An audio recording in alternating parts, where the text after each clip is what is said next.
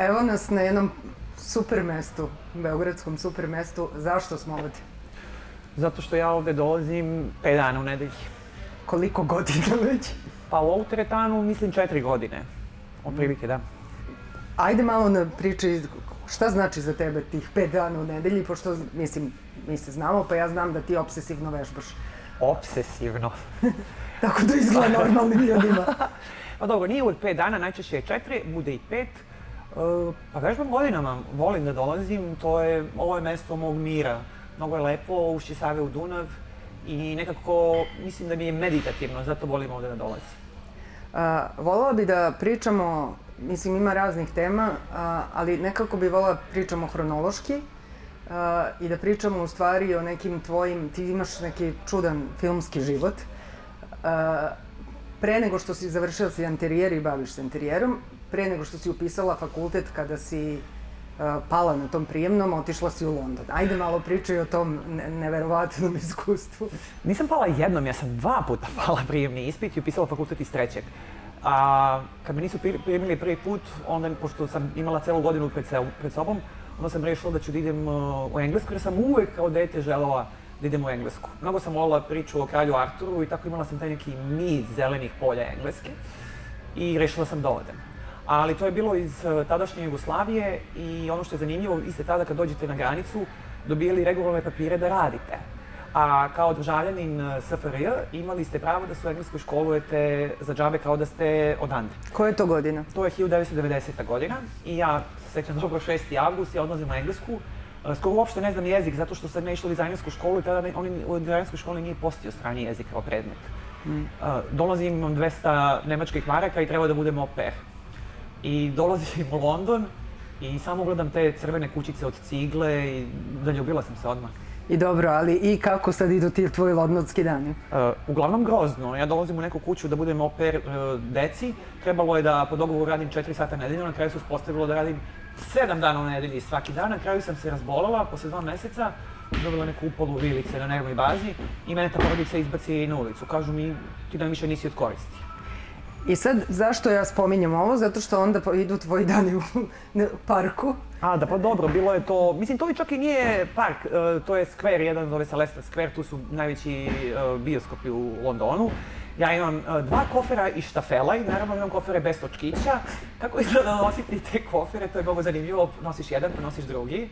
E, zato sad putujem samo sa jednim koferom i kofer mora da ima točkiće. Ali to govori o tvojoj nenormalnoj upornosti, zato sam i počela teretane, to, to, to da kao neuspeh nije opcija i da nećeš da se vratiš kući uslovno rečeno poražena.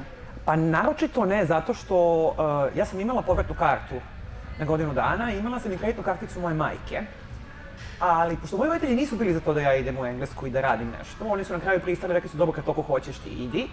Uh, bilo me sramota da podvijem rep i da se vratim, rekla sam sebi, pa to si toliko htela, e pa ne možeš sad odmah da se vratiš. I tako sam ostala. I kako se promeni ta sreća da uđeš u porodicu Kartije? E pa nije to bilo odmah. Ja sam prvo radila za porodicu Sobati, uh, to su neki Iranci, uh, služila sam na nekoj svadbi, onda sam našla neku englesku grčku porodicu koju sam čuvala decu u nekom uh, vrlo bednom delu Londona. Onda sam došla u Beograd na par dana za novu godinu. Kad sam se vratila, oni su mi takođe saopštili da ja više ne radim za njih. I onda su mi dali smeštaj u nekom stanu koji su oni izdavali u Seven Sister pored totalnog stadiona. Ne mogu da vam opišem kako zamišljate ono sivilo, užas. Najgore što možete da zamislite ono iz filmova kako uh, vidite neki grad, e tako izgledaju Seven Sister. A ja sam u kući imala uh, dečka koji je udavio svog oca jastukom, pa je taman izašao iz zatvora, cimerku, neku malu novozelanđanku koja je skakala na nekom banđiju svaki dan. Tako bilo je dosta grozno. A posao za Cartier sam dobila tako što je zapravo moja drugarica otišla na intervju sa njima i zaboravila svoj kišobran. I zamolila me da je odem po taj kišobran jer sam bila slobodna. I ja sam otišla po to, upoznala te ljude, mi se zaljubili jedni u druge. Gospođa Cartier je bila tad trudna, još se nije porodila i onda su da mene pitali da li bi ja radila za njih. I tako sam ja počela da radim za porodicu Cartier. I danas taj mali Cartier ima koliko godina? Uh, mali Cartier sada ima 28 godina, mislim. I ti si u kontaktu sa njim? Sada vam, da. Kako se vraćaš? Vraćaš se na prijemni? ili ne? Ne, ne. Uh, negde u jesen 91. godine uh, mog tatu šalju na ratište. Mi tata bio vojno lice. Ali čekaj, ajde da te prekinem. Pre nego što, pre tog povratka, sad u, u toj porodici, u toj novoj ljubavi, počinje jedan malo drugačiji život, drugačiji London i oni ti otvaraju ono što, mislim, mi sanjamo kad odemo u London, da se negde izađe, nešto vidi, da se... Pa da, ja sam s njima putovala i u Izrael i putovali smo puno i oni su fenomenalni ljudi. Lorenz Jankart je jednu fenomenalnu biblioteku, čovek koji ima Picasso u kući. Jedan dan ja dolazim u moju sobu, zatičem ga na stolici kako kuca Excel. Kažem, Lorenz, šta radiš? On kaže, pa ti jedino u ovoj kući ceniš umetnost, pa sam teo da ti zakačim Picassa. Tako da to je bilo jedno jako lepo uh, iskustvo, ja sam tada bila vegetarijanac, oni su toliko vodili računa o meni šta ja jedem, za mene ima sve, mnogo sam ih volila i mislim volim ih i sad. A, nikad se ja ne bi vratila zapravo u Jugoslaviju da nije izbio rat. Nikada, sasvim sam to sigurna. A, ono što se desilo kad je izbio rat, mi smo izgubili sve privilegije. Više nisam mogla da upišem fakultet, što je bila moja ideja. Ja sam htjela kad naučim dobro jezik da upišem St. Martin's School of Art. Ali je to onda postalo nemoguće, morala sam to da plaćam, u Srbiji je počela inflacija. I postoji jedna druga stvar, meni je isticala viza koja je važila dve godine i ja sam onda da bi ostala morala da tražim uh, emigrantski status kao asylum seeker. Ja to nisam nekako mentalno mogla da, pon, uh, da podnesem. Mislim, to je jako teško, ljudi misle da to ljudi rade lako, ali to je jedan status koji je jako neprijatan kada ste u toj situaciji. Pri čemu, recimo, zakonski vi ne možete uopšte da izlazite iz zemlje. To bi značilo da ja ne mogu da vidim moje roditelje, da dođem na odmor, kao i moji prijatelji koji su to uradili, koji su po 10 godina ostali uh, bez kontakta, fizičkog kontakta sa svojom porodicom. A, tvoj otac je bio vojno lice i vi ste se i selili, ali kad je počeo rat, on zapravo odlazi na ratište. Pa da, moj otac je bio profesor na Vojnoj akademiji. E, poreklo nemamo nikakvu iz bivših jugoslovenskih republika. E, moji su dugo krili da je tata uopšte na ratištu. Ja to kad sam saznala, mislim, to je jedan od većih lomova u mom životu. Pogotovo što tada na BBC-u svaki dan je bilo samo Srbi koji u Srbiji ubijaju, Srbi siluju. siluju. Mislim, to je za mene bilo nešto najstrašnije jer sam ja jako bila vezana za mog tatu. I kao, tada se i vraćaš... e, Ja tada donosim odluku, znači tada sam imala dve opcije. Jedna je da se udam za papire, druga je bila da tražim azil i treća je bila da se vratim. E, Da se sve nije desilo e, to sa mojim tatom, ja bi možda izabrala neku od ovih opcija. Azil ne, možda bi se i udala za pare, ne znam, ali ja sam izabrala da se vratim. I onda sam došla u Beograd, tati iza leđa volontirala i došla u ratnu zonu u je on bio. Gde ti je tata bio na ratištu? E, bio je u Hrvatskoj na ratištu, o, Lika Banija Kordon. I ti odlaziš tamo. Jeste, ja odlazim tamo i bila sam jedini prevodilac e, za engleski jezik na celoj toj teritoriji. Radila sam na razmeštenje trupa Ujedinjenih nacija i prevodila sam za žene koje su silovane, jer tada se na toj teritoriji nalazili posmatrači Evropske unije. Čekaj samo, ti u tom trenutku imaš 21 godinu, Da. tako? Kako se, kako se tehnički, kao hoćeš da odeš na ratište, kako ti sad to uradiš? Kako, kome si se prijavila? Kako do toga, kako nekom izvrši tu akciju? Pa, tako što sam e, znala tatine kolege sa posla i onda se de, e, deo njih vratio za Beograd, ne znam kojim poslom. I ja sam se srela sa njima i pitala da li im treba prevodilac i tako, na mala vrata, tati iza leđa, bez njegovog pitanja se tamo pojavila. Šta znači kada imaš 21 godinu i žensko si da ideš da prevodiš za žene koje su silovane? Kako te to promeni? Pa uopšte ta, e, zato što na, naučiš neke stvari e, jako važne o ljudima i ono što je meni dugo trebalo da se oslobodim jednog osjećaja, ti zapravo u miru ne znaš ko su ljudi oko tebe i šta su ljudi u stanju da urade ako misli da će proći nekažnjeno ili ako veruju da to što radi je neki, rade neki viši cilj. E, Ja sam dugo prolazila u ulicama, stepeništama svojih zgrada u kojima sam živala gledala lju- ljude u ulici. Ja to i danas radim. Pokušavam da, da vidim da li si sposoban da budeš uh, monstrum. Kako je taj rat uticao na tvog oca? Pa uopšte raspad Jugoslavije, moj tata je stvarno bio Jugosloven. Ja nisam uopšte poznavala nacionalizam ili bitnost toga da li sam Srbin ili šta sam. Ni- Nije mi to bilo važno uopšte, nije bilo ni njemu. Ja mislim da je, uh, moj tata je umro od srca. Inače, ja mislim da je njemu srce puklo od svega što se desilo. Ja mislim da se to desilo jako velikom broju ljudi koji su verovali u tu zemlju i u tu ideju zajedništva. A kako, e, mislim da je nekako ja, moj otac je umro od raka, ja isto mislim da je on žrtva raspada Jugoslavije, ali verujem da je za tvog diktatu to bilo nekako još mnogo gore, zato što ljudi sa kojima je radio nekako odjednom se takođe menjaju. Pa tu se dešavalo svašta. Moj tata nema nikako poreklo iz uh, Hrvatske, da bi on bio poslat na to ratište, jer to je bio mm. neki ključ. A ono što se dešavalo, kad god nekog izaberu uh, s njegove katedre da ide na ratište, tom nekom nije dobro, boli ga glava, ima išijest. Ljudi su izmišljali razne uh, razloge da ne odu, iz nekog kukavičluka i sebičluka. Mm. Moj otac uopšte, prvo, iako je bio vojno lice, uopšte nije bio uh, ratoboran čovek i verovo je da je rat apsolutno besmislena stvar, mm. da ga treba uvek sprečiti. Tako, ali je otišao iz dužnosti jer on je rekao ja sam ceo život dobio pare od ove države, školovan sam za ovo, ne mogu sad da kažem da mi nije dobro. No, Prosto no. iz nekog morala, iako sam lično nije bio neko ko je verovao ikakvu dobrobit tog rata. I kako se, koliko dugo je bio na ratištu? Pa on je bio, ja mislim, 10 meseci. Nisam mm -hmm. sigurna uh, tačno kad je otišao, ne mogu sad se setiti toga uopšte. A, to je sad, rekla si, ja mislim, 92. godina, mm -hmm. tako?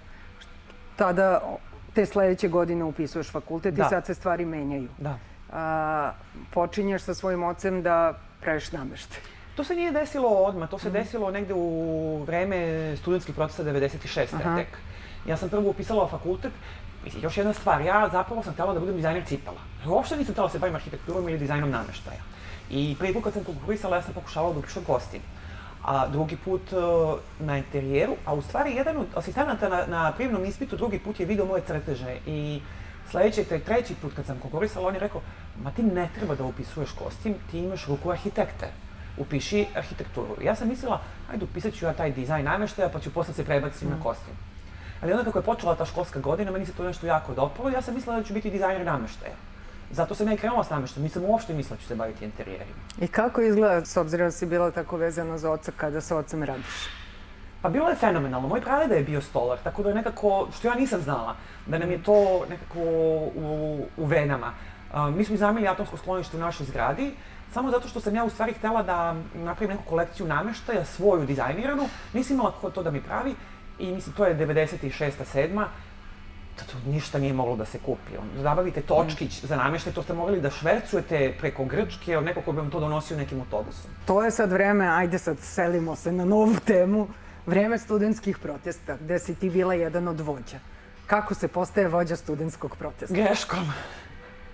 Šalim se. Uh, ja sam uh, to leto bila u Engleskoj nekoliko meseci i kad sam se vratila, vratila sam se na dan izbora najveći paradoks je ja zapravo nisam uopšte uh, učestvovala na tim izborima, jer sam doputovala i nisam otišla na glasanje.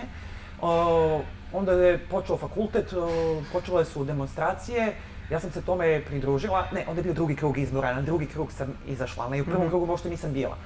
I onda su počele te demonstracije i mi smo svi počeli da idemo kolektivno, ali odjednom su ti ljudi počeli sa fakulteta se skupljaju oko mene i kao, Tanja vođe, Tanja vođe, ja rekao, bežite od mene, misli, tako je ovo zezanje.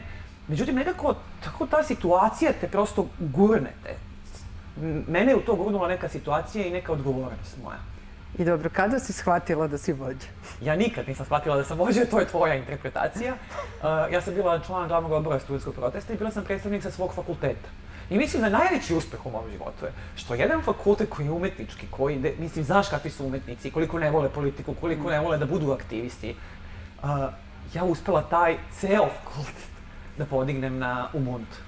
Kakav ti je osjećaj danas kada razni ti ljudi koji su tada bili vođe protesta, koji su bili otporaši, neki ljudi koji su nekako ključno važni bili, danas žive ove izdajničke živote.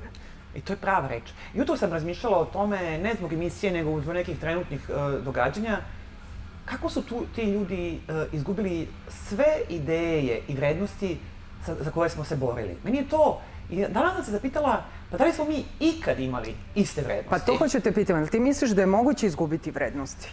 Uh, mislim da, je, da jeste, zato što uh, istrajavati u vrednostima zahteva snagu i zahteva da često radite stvari koje uopšte nisu vama na prvu loptu korist. A, ajde, ponovit ću pitanje. Da li onda se to zove vrednost i mislim, kako kažem, ako Ako u nešto veruješ, definicija vere je da nešto ne preispituješ. Ako, kako, ako počneš da kalkulišeš sa tim, onda to više nije vera. A da li, ali vera, onda je... nije, nije vera nešto što je trajno. Vera je isto nešto što mora stalno da se obnede i preispituje. Jer čovjek je stalno na nekim iskušenjima. Sad, na, na čemu su pali ljudi o kojima pričamo? Oni su imali neke ideale i neke vrednosti bili su studenti.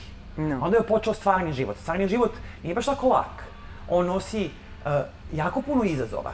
E, mislim, korak po korak, oni su padali na tim izazovima i na kraju došli do toga da zapravo ne da nemaju te vrednosti, oni su antiteza tim vrednostima za koje su se borili.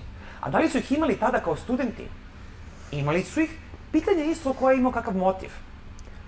To je, to je isto jako bitno, ovde je jako puno ega. Mm. Mislim, kad se bavite politikom, u suštini morate da imate dosta veliki ego. Jer vi pretpostavljate da vi znate šta drugi ljudi treba da rade. Vi e, dajete sebi za pravo da donosite odluke u ime drugih ljudi. Da li si tada ikada bila u, kako kažem, iskušenju da uđeš u politiku ozbiljnije? Pa ja sam posle studentskog protesta uh, ušla u studentski politički klub uh, u kome su bili Čedomir Antić, Čedomir Ivanović, Vlada Dobrosavljević, uh, neka grupa ljudi. Tu sam bila port parol. Nakon godinu dana uh, su mi tada uh, Čedomir Ivanović i Igor Žeđer saopštili da se mi uh, spajamo sa demokratskom strankom i da više neće postojati studentski politički klub. Pošto su se uradili tako što ja uopšte nisam znala ni za te pregovore ni šta se dešavalo, mm. ja sam samo shvatila da sam dovedena u jedan neravnopravni položaj, da ja više nemam, i da nemam više poverenja u njih. Jer ako tako nešto bitno, znači što je bila naša zajednička uh, ideja, nešto čemu smo se zajednički bavili, da ste to uspeli da uradite meni sad u startu iza leđa. Znači da čime se zapravo krši sve ono za što smo se borili. Znači, ne, ne borimo se za, za isto. Stvari, i, da. I ja sam prosto rekla, okay, Tad sam razmišljala, ako ostanem u politici, ja neću moći nikada da se bavim dizajnom. Ne možda počeš da se baviš time, mislim, možeš, ali uh, ja sam inače kasno pisala fakultet, kad sam ga završila, to je znači 98. godina, ja imam 27 godina. I onda sam razmišljala o tome, ako ja ne počnem odmah da se bavim arhitekturom, ja se njome nikada neću baviti, a politikom mogu se bavim uvek. A misliš da to ima veze i sa tvojim egom koji, jeli, ne dozvoljava da mu se radi iza leđa, ne dozvoljava da bude doveden u tu situaciju Pa sad ne znam da li je to pitanje ego, ali ja mislim da bilo šta radiš sa ljudima moraš da imaš poverenje u te ljude. I ako, ako mi izgubimo poverenje jedni u druge, znači oni nisu imali poverenje u meni da mi kažu šta, šta će se desiti. Zašto? A šta bih ja tu uradila? No. Ne bih uradila ništa. Znači vi meni ne verujete i uradili ste nešto na takav način da se ja kao čovek osjećam prevareno. No. I mislim da to nije pitanje ega. Ja mislim, meni, meni se srce slo, od toga slomilo. Ajde da pričamo malo o tvom poslu. Ajde. O enterijerima, o tome kako doživljavaš prostor šta ti je važno, šta voliš. Ti si jedan od najboljih i značajnijih interijerista, ljudi to ne znaju zato što stvari koje radiš uglavnom nisu javne. Pa nisu, a i da nije tebe, e, ne bi niko ni znao za mene od javnosti. Zato što ja uopšte ne volim te samo promocije, niti mi to treba za vrstu posla koju ja radim. I ja već 10 godina dominantno radim e, stambene objekte rezidencijalnog tipa za, sa visokim budžetima to nisu vrste interijera koje ja mogu da slikam, pokazujem javnosti iz nekog poštovanja prema klijentima, iz njihove bezbednosti i tako dalje. Dobro, ali šta znači, ja znam da kad smo se upoznali, ti si pre svega radila uh, prodavnice. Jeste. I onda si nekako prešla u stanove i to jako nisi volala. I to je isto tako, sve u životu što, u čemu sam dobra, su stvari koje mi nisu prva ljubav. To je, shvatila sam da čovek zapravo i ne treba da radi ono na što se previše loži, jer onda mu se uključi ego i onda nema tu slobodu da stvarno se pusti i bude dobar u tome. Mm. Ako kad radiš nešto u čemu misliš da nisi dobar, nešto ti se ne sviđa, nije ti to to, tu nekako si najbolji. I to ne važi samo za mene, mislim da to važi za većinu ljudi. Uh, ja sam se bila zarekla da ja da hleb nemam da jedem, da ja neću raditi stanove. I razlika između tih objekata javne namene, prodavnica, apoteka, teretana, bilo čega što je zapravo business orientated, uh, to je vrlo lako, zato što ljudi koji od tebe traže uh, da za njih radiš, imaju radne zadatke koji nisu lični. Opet nema ega. Hmm. I imamo jedan otklon jedan prema drugom i nema tog ličnog elementa. Stan je zapravo u suštini ili kuća jako lična i on je zapravo ta naša lična prezentacija. On najviše govori o tome kakav mi utisak hoćemo da ostavimo na druge. Mm. A ja moram svakome da uđem u psihu, da shvatim šta voli. Za, I ne samo šta voli, znači ako mi kaže da voli plavi zid, ja moram da shvatim suštinski zašto voli plavi zid. Šta je to što se njemu u tome sviđa. Naporan je to posao. I kako se rade onda stanovi, pošto nas su školovali, a nisu ni vas mnogo drugačije, da kao je arhitekta nekakav, neko ko zna kako treba da se živi, kako drugi treba da žive. Kako napraviš sa taj otklon od lične estetike da uđeš u, u, u nešto što je nečiji lifestyle i da iz toga izvučeš najbolju verziju nekoga ko ti nije blizak? Pa pod jedan, ja, ja volim ljude i mislim da je to ključ. Da ja ovo ne bi mogla da radim, da ja generalno ne volim uh, ljudsku vrstu. Uh, ono što mene čini srećom jeste da usrećim te ljude. I onda ja pokušavam da shvatim šta oni vole, zašto vole i da im dam interijer koji je ličan. Ja ne štancujem interijer. Moji interijeri, kad biste ušli u neke moje stanove, uopšte ne liče jedne na druge. Teško biste i pogodili da sam to ja u pitanju. Ja volim da se igram, ne interesuje me da se ponavljam, da... Uh, niti, me, niti me interesuje da isterujem svoje ja volim da im dam da je to školovano i pismeno, ali u estetskom smislu i u, i u nekoj funkciji potpuno prilagođeno njima. Ljudi su različiti, različite su im potrebe. I ono što je nekom lepo, nekom je ružno, ono što nekom treba, nekom je besmisleno. U ovom trenutku učestvuješ u dva neka, biće velika projekta, dve neke zgrade i sad se jedne neobične situacije da kao enterijerista u stvari si bila neko ko oblikuje projekat od početka stavljajući akcenat upravo na to šta je taj nekakav lifestyle tih ljudi koji će biti tu. Kako izgleda sad taj proces i naročito kako izgleda taj izvrnuti proces u zemlji kao što je Srbija? Pa meni je jako zanimljivo zato što mislim da e, na oba naša fakulteta postoji jedna, e, po, postoji greška. Vas ne uče šta je konačni proizvod i da posle vas neko treba da dođe da sad taj prostor prilagodi sebi.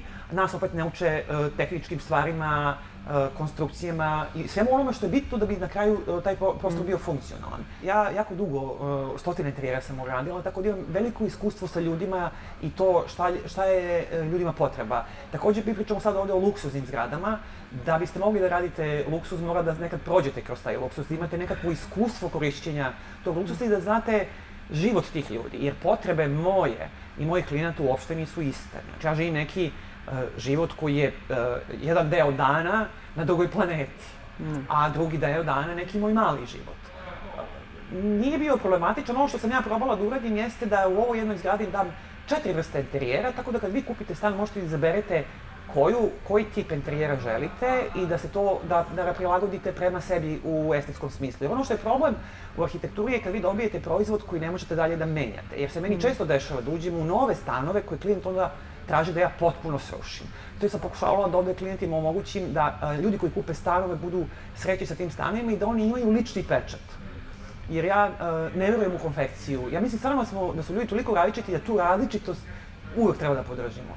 A, rekla si da si jedan deo dana na drugoj planeti, osim ovde, a, gde nalaziš ta punjenja? Znam da puno putuješ, šta su te neke tačke, šta ti je najvažnije? Kako se to, ta kreativnost puni? Kako praviš taj uh, svoj bubble, svoj svet u kome možeš da se... U kreativnom smislu ja se prvo, kad uh, imam neki novi posao, prvo zatrpam informacijama. I ono što radim, uh, spavam na Pinterestu, vjerojatno, uh, gledam, ja mislim da ja pogledam hiljade, desetine hiljada slika. Ali moj kreativni proces počinje tek kad sve to što sam unela u sebe, izbacim iz sebe. Onog trenutka kad izbacim ideju iz svoje glave kako nešto treba da izgleda, onda taj kreativni proces sam teče. Ja stvarno mislim da imam nekog autopilota koji to sve onda lepo nacrta za mene i najčešće nema nikakve veze sa stvarima koje sam ja prethodno gledala. Ja mislim prosto da se vizuelno, namerno zasitim prežderenim informacijama, da mi se sve to zajedno zgadi i onda nekako to krene. Ajde da pričamo o tim raznim putovanjima koje su, jeli, počela tim odlaskom u London pre 100 godina, a umeđu vremenu si na mnogo mesta bila. Koje su ti neke destinacije koje su ti bile najznačajnije? Pa, Japan i Indija. To su mi onako uh, mesta koja su polaritet u smislu šta ona predstavljaju, a opet, s druge strane, jedna druga, druga zemlja su kulture bazirane na duhovnosti i jedna na hinduizmu, druga na budizmu.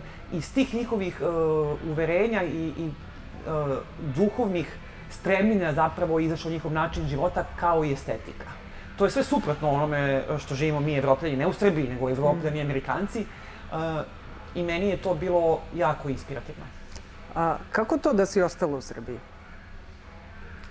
To sam se ja mnogo puta pitala, a onda sam prošle godine shvatila da ja toliko volim da živim u Beogradu, da sam ja toliko srećna u ovom gradu. Da to, ne mogu to ničim da objasnim. Ja sam ceo život kao hoću da živim negde i imam mogućnosti da živim negde drugde. Ali meni je, kad sletim na Surčin i kad prelazim Brankov most i kad vidim zvonik Saborne crkve, ja, meni je srce ovako. To kad ti se srce napuni kad vidiš Beograd, kako je to, ajde priči malo o svom ovom aktivizmu, odnala si ove godine jednu veliku pobedu. Ti si vodila proteste vašeg kraja vezane za preuređenje parka Vojvode Vuka. Pa između ostalog i to, ja sam veliki protivnik pešačke zone i mislim da Beograd nema infrastrukturu koja možda podrži pešačku zonu. Inače, mislim da pešačke zone bilo gde u svetu kada se uspostave, one zapravo ubiju uh, život lokalnog stanovništva. I tendencija je da se onda ljudi odatle iseli i ti delovi grada postanu samo turistički deo. Uh, ajde onda kad si tako krenula da počnemo od toga. Uh, ove sve promene koje se sada dešavaju u Beogradu, kako ih vidiš? U, u smislu, u strateškom smislu, ne u smislu... Mislim da su tragične. Mislim da se opština Stari grad potpuno ubija za život i da se centar grada kao uh, centar gde se, gde se i živi uh, seli u Beograd na vodi. To je moje mišljenje, to sad posle ovih dve godine borbe mm. shvatam. Uh, ja ne mogu to da podržim zato što ja jako volim centar grada. Ja nisam rođena na starom gradu, niti sam tu, ja živim tu sada već 19 godina. Ali uh, potekla sam sa periferije jako, ja, jako volim taj uh, starogradski način života. Mm. Ja sam neko ko hoda, ja ne vozim, volim da idem svuda peške i nekako taj moj mikrokosmos je potpuno sad narušen svim onim što se dešava u centru grada.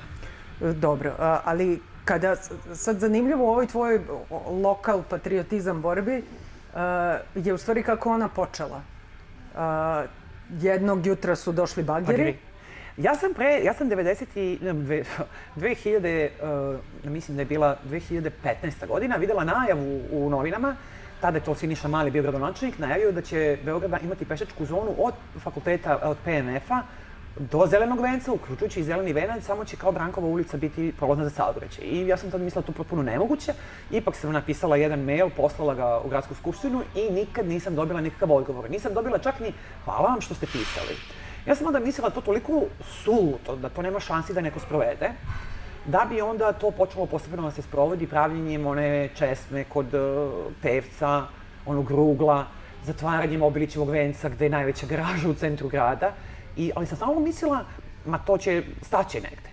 Uh, onda sam bila najavu u novinama da će biti uh, po, početak radova na Topličinu vencu, pisala sam direkciji za gradsko građevinsko zemljište dobila zvanični odgovor da Direkcija za gradsko građevinsko zemljište, koja svim tim rukovodi, zapravo nema predviđene nikakve radove na Topličnom vencu za 2018. godinu.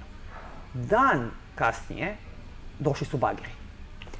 E, meni, zašto insistiram na ovome? Zato što e, obično mi kao građani kažemo ma šta ja tu mogu da promenim, šta ja tu mogu da uradim. Ti si izašla iz svog stana i pitala, tražila tim ljudima radni nalog, ili tako? Ja sam tražila da vidim građevinsku dozvolu, jer kao arhitekta jednu stvar znam. Bili bi privatno lice, e, bili bi grad, institucija, vi morate da imate sve papire da bi tako nešto radili. I oni kažu, nemam. Onda mi vade neke papire koji su zapravo nekakvi budžeti e, sekretarijata za saobraćaj. Za, u tom trenutku, je zanimljivo, dok sedimo ispred zgrade, već se tu skupio komšiluk, pojavljuje se novinar koji je nekad radio u Betija. U tom trenutku je urednik portala Mondo. I onda Mondo objavljuje mm -hmm. šta se desilo i tada zapravo kreće celo medijsko ludilo oko toga. A, ti zapravo otkrivaš da uopšte projekat ne postoji? Ja prvo, e, ja tada zapravo budem suočena sa tim da uh, gradski menadžer kaže da Uh, oni imaju gradsku dozvolu, on je nema da pokaže novinarima. Ja odlazim uh, online na sekretarijat za urbanizam da vi možete da vidite sve te dozvole. Dozvole nema. Dozvolu su oni dobili nekoliko dana nakon tako što su 11 ujutru predali uh, papire za dozvolu i dobili je u 3 popodne. Ono što ljudi isto ne znaju da kad se rade takvi uh, projekti, postoje nešto što se zove sinhron plan i zapravo vam je potrebno niz dozvola. Da. Treba, vi imate 16 planova. Znači, vi treba da imate jedan sinhron plan, sadrži u, sedam, u sebi 16 preklopljenih drugih planova. I onda to je jako puno dozvola. Morate da imate dozvolu i sekretarijata za saobraćaju. Ovde inače sekretarijat uh, bio investitor, ali morate da imate dozvolu protiv požaraca. Neko mora da razmišlja o tome kako će proći protiv, protiv požarna vozila. I oni su u stvari radove počeli na osnovu nekog idejnog projekta Bez... Ja ne znam na osnovu čega su oni počeli, jer je svaki moj pokušaj da ja vidim taj projekat na uvid je bio zavodan. Onda sam ja, pošto je uh, sam shvatila da mora da postoji negde u generalno planu da je napisano da će od, od koje će ulice zapravo biti pešačka zona, pošto ne možete da vidite crtež i onda počinjem da čitam službene glasnike.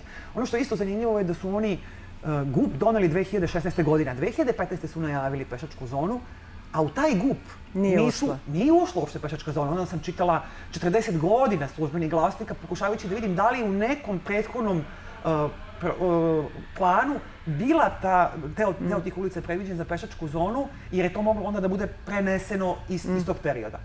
Naravno, znači, nije mi ni to mrzalo. Ja sam danima to čitala i ja to nisam uspela da pronađem. Ali to isto govori da ti si do svih tih podataka došla najregularnijim putem samoupornošću.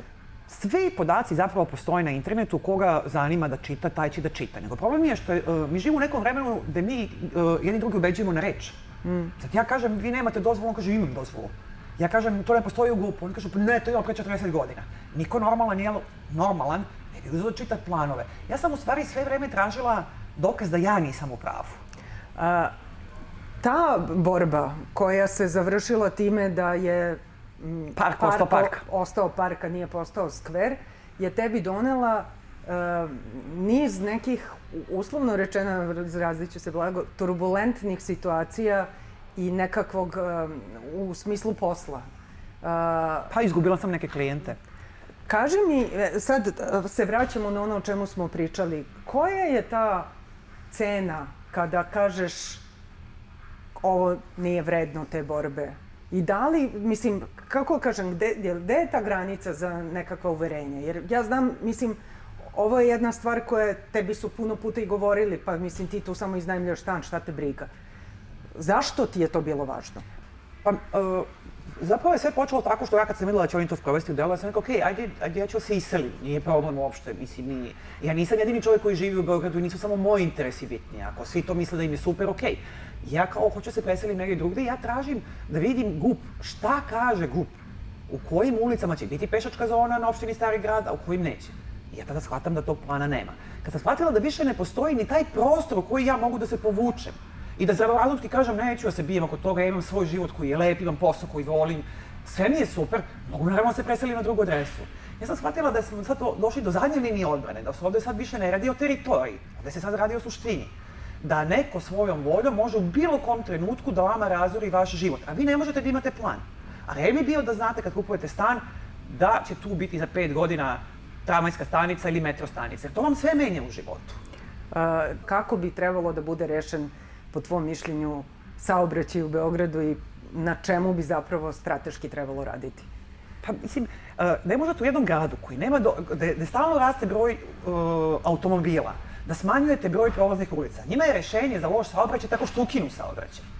A po meni bi bilo rešenje, na primjer, pa napravite podzemne garaže, pa onda ukinite parkiranje na ulici, a na, na račun te dve trake s obe ulice koju imate uh, automobile, napravite dve uh, trake za prolaz ili traku za bicikliste ili povećajte trotor ako je to ideja. Ali vi radite naopako. Oni su napravili pešačku zonu, nemaju garažu. I sad ljudi koji tu žive više nemaju gde da stave automobil. Pa kakvo je to rešenje? Pa to je toliko glupo rešenje da ja stvarno ne znam čim se razmišljalo kad se donosila takva odluka. Spominjala si ovu, ovu situaciju da mi kao građani više ne, nemamo, ne znamo šta je grad u kome živimo i koja su ta pravila.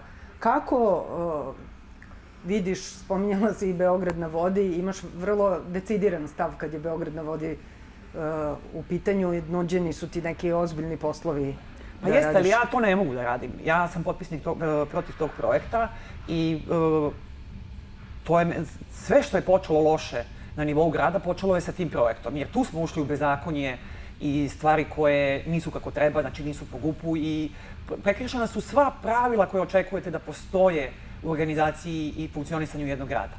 I ja sad treba da kažem, ja super, nema veze, kao, to je dobar posao. Ljudi mi često dođu i kažu, e, tra, traže da im ja radim nešto e, što su tamo uzeli.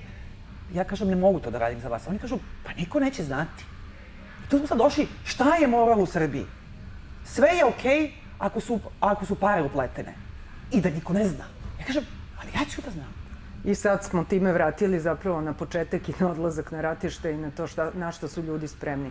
Kakav ti je osjećaj kada sad za, zatvoriš taj krug i u tog života ovog našeg sada života u kome nam se naš prostor skuplja, gde naši prijatelji postaju ti ljudi koji su spremni da rade razne stvari koje do preključa ne bi bili spremni i kako, mislim, gde vidiš taj naš prostor slobode? Koji je tvoj prostor slobode? Pa je dobro, ja inače mislim da sloboda kao i ljubav nisu prostor, da su oni stanje. I slobodu ne može niko da vam da i za nju se ne bori, ona je u vama i ona, e, nju imate onda kad se oslobodite od straha. Znači prosto sloboda bi bilo ono mesto na kome nemate strah. I to je suština slobode. A što se tiče ljudi oko nas, ne znam, ja sam, uh, pos, to sam što sam i srećna sam sa, sa, sa tim ko sam i šta sam. Uh, I elementarna stvar je ono što je majka naučila kada sam bila mala i danas važi kao nekakav light motiv u mom životu. A to je ono, ko laže taj krade, ko krade taj ubija. Vrlo je jednostavno. I to je stvarno tako i tačno je. Uh, ljudi obično misle, sad smo predstavili tvoj život koji je ovako, ja sam rekla, filmski i dosta glamurazan, ali puno je bilo situacija u kojima ti nisi imala posla i dugačkih perioda u kojima nisi imala posla i nisi imala od čega da živiš i nisi imala od čega da platiš kiriju, pa su ta uverenja ostala. Gde je ta, kako kažem, cena? Koju si cenu platila? Pa nisam platila cenu. Meni je jako udobno sa sobom.